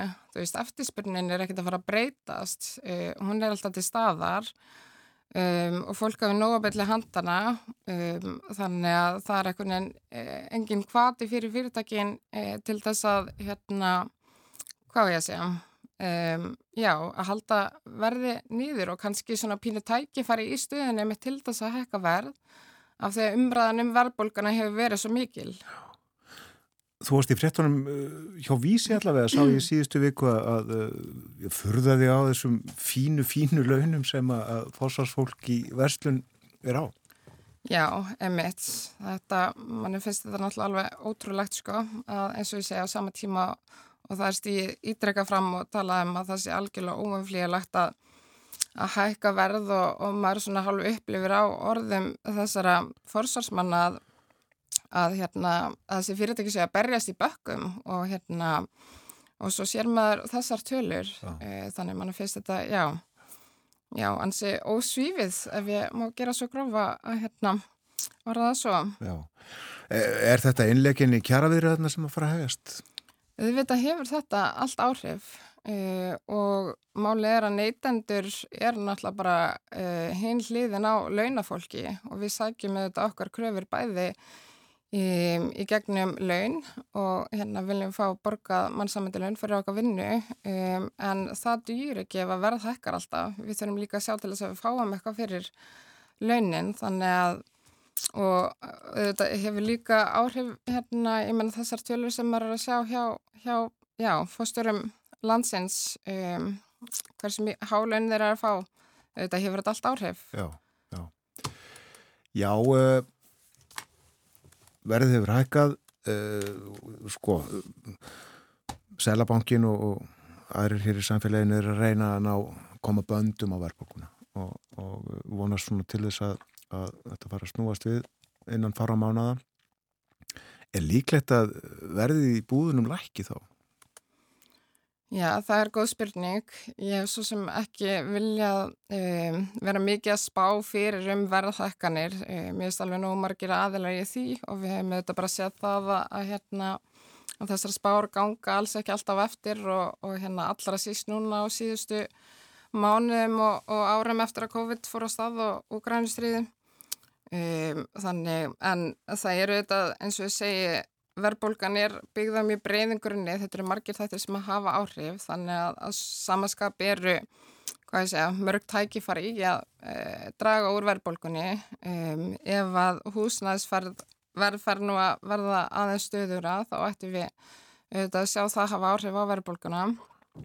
Um, og hérna Já, og uh, svo þetta hefur gengið styrt mjög mikið og er eins og ég segi bara á síðbjörnst að það var fyrir COVID og það ætti þetta að fara að hafa áhrif. Um, með suma veru og þjónustu þá kannski tekur það svolítið tíma að hérna, koma tilbaka, það var kannski verið keftar einhverjar byrðir af verum og hérna þannig en þegar að sá lagar er búin þá ættum við að fara að sjá það hafa áhrif. Um, Og já, þannig að það eru þetta líka bara margir þættir sem að geta haft áhrif til lækunar og við höfum nú svona eh, haldið því fram að verð hafi hækkað umfram tílefni eða sem sagt að sé tílefni til þess að verð hérna, já, lækki frá því sem það er núna, eh, allan á ég missi veru á þjónustu. Og við erum með þetta líka að sjá að verð hefur hækkað á, á vöru og þjónustu sem hefur ekkert að gera með úkrænustríð eða, eða hérna hækkanir á, á ráveruverði, þú veist, til dæmis bara tryggingar og fjármála þjónusta og svo frammeðis. Og svo erum við líka að sjá að núna á síðasta ári hefur ofinberð þjónusta hækkatölu verðt um, og kannski svona meira en hún er vön að gera á ennu ári. Hvað áttu þá við? Um, það bara í mig skjöld við erum með þetta að sjá hérna fastanagjöld af hækkatöluverð, sorpirðugjöld um, og hérna og svo bara þetta eru það líka leikskólagjöld og, og fleira sko. Þannig að og bara mörg ofinbergjöld og við erum að sjá þetta, þetta spila inn í þó þetta sé kannski vegi ekki þú veist mjög þungt en jú þetta er samt ég menna þetta er að hækka já meir en, en hérna en hefur verið á síðustu árum. Uh, þannig að uh, á sama tíma og, og hérna og verðbólgan er útbreytt að þá er líka mörg tækifæri til þess að draga úr henni. Um, og hérna og það eru þetta bara það eru kannski einhver aðgerið til stýttri tíma eða sem sagt svona til skamstíma sem er þetta ráðast í en, en líka bara til langstíma og auðvitað er kjölfarið á, á þessu, hvað ég segja já, á, á þessu svona verðbólgu tímabili þurfum við kannski að fara að horfa þess lengra fram í tíman og og hugsa hvort að sé eitthvað sem við getum gert til þess að um, undirbyggja eða draga úr svona, já, þessum, hérna, um, já, bara verbulgu aðstæðum, eða þess að, sko, hérna, já, þessum þáttum sem að eru til þess fallen að auka verbulgu. Og hvað ert að hugsa um þar sérstaklega? Uh, til dæmis sam, samkeppni, það eru þetta einn af þessum þáttum sem að hefur áhrif uh, og ef við tölum bara um gengið að þá til dæmis hérna um, sína rannsónir það að ef samkeppni er meira að markaði þá er minni gengislegi, það er að gengisveiking hefur síður áhrif á verð. Uh, og sama með svo sem sko, verðstöðuleika, ef að verðstöðulegi er almennt meira að markaði að þá hérna kemur, uh, já, gengisveiking síður fram eða hægar fram í, í verði.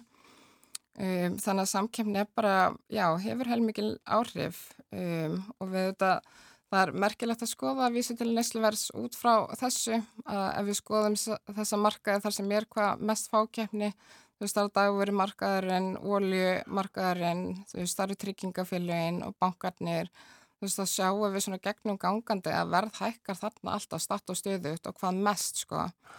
E, á meðan að hérna, á meðan að verð hækkar síður þar sem að samkeppni er meiri, til dæmis ef við skoðum föt og skó, þar hefur verð hækkað minna. Já, Það hækkaði fyrst í COVID og þá reyndar líka, þá var líka þegar þá dross samkeppni saman, þá var fólk ekki fara til útlanda að kaupa föt, en svo hefur það afturlækkað og hérna, að Þannig já, og svo er þetta bara spurningum hérna, um, þú veist hvort það er eitthvað að gera varðandi bara, já, um, að skatleggja fyrirtæki sem er að skila ofur hagnaði á sama tíma og, og hérna verðar að hækka svona mikið. Þannig að þetta er, það er hérna, já, bara ímislegt að það gera í stöðinni. það eru ymsaliði til, það er náttúrulega.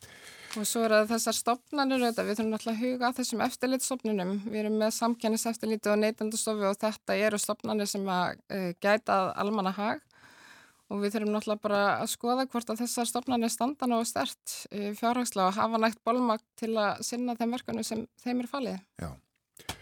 Þá gaman að fá þig yngað, þakka þið fyrir að koma inn úr sólinni, við ætlum að sleppa, sleppa þér út hérna aftur, góða verið í Reykjavík, eh, útlitt fyrir besta sömadaginn í ár, dag og morgun kannski líka. En uh, það hefur allt hækkað, uh, hún er rétt þessi tilfinning sem að margt fólk hefur og uh, hefur talað um að undanförnu, láninu auðvitað og maturinn og hreinlætisvörurnar og fötinn alla nöðsynjarnar og óþarfin líka. Kæra þakki fyrir komin að njóttu dagsins. Takk fyrir mig. Auður Alfa Ólafstóttir, hún sér um verðalags eftirliti þjá Alþýðusambandinu. Þórun Elisabeth, þú fannst lag til að spila. Já, við ætlum að fara út í sólina í huganum og við komumst ekki alveg þangað strax. Við ætlum að hlusta á Kings syngja Sunny Afternoon.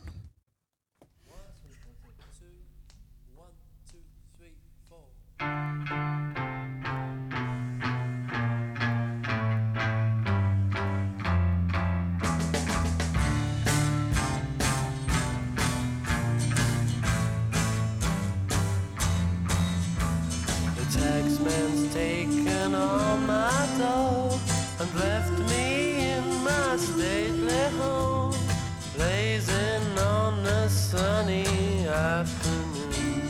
And I can't sail my yacht, he's taken everything I got. All I've got's this sunny afternoon. Save me, save me, save me from this squeeze. I got a big fat mama trying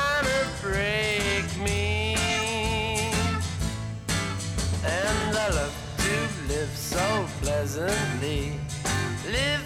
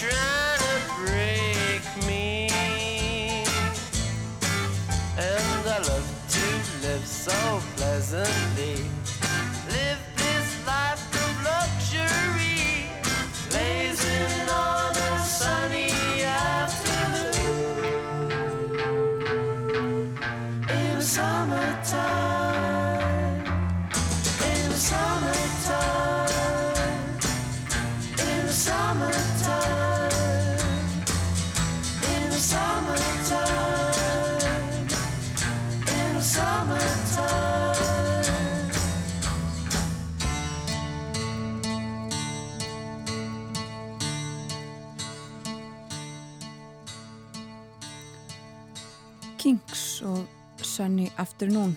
Það á að vera sólrygt í höfuborginni og uh, víðar á svona vestur hluta landsins í dag. Ekki að segja það. eh, Það er spáð 15 steg að hita klukkan 2 í eftirmyndaginn í Reykjavík og 17 steg að hita og heiðs, 17 steg að hiti og heiðskýrt í Árnesi líka heiðskýrt eh, í Vestmannu og Kvanneri. En hættu rigningu við Suðausturströndina. En sumarið ekki búið en sem sagt. En uh, morgunvaktin er að ljúka þennan morgunin. Já, við höfum verið svona með hugan við verðlægið, verðbólguna, svona ástand í efnahagsmálum. Það hefur komið við sögu eiginlega í já, öllum okkar efnum í dag. Enda stórmál bæði hér heima og út í heimi. Þorðusnar Júlísson var með okkur snemma í morgun. Svo Artúr Björgum Bollason og nú síðast auður Alfa Ólafsdóttir hjá verðlags eftirliti ASI. Þakkum samvildina í dag, verðum hér aftur í fyrramáli bjóðum góðan dag þegar klukkuna vantar tíminn til í sjö. Verðið sæl.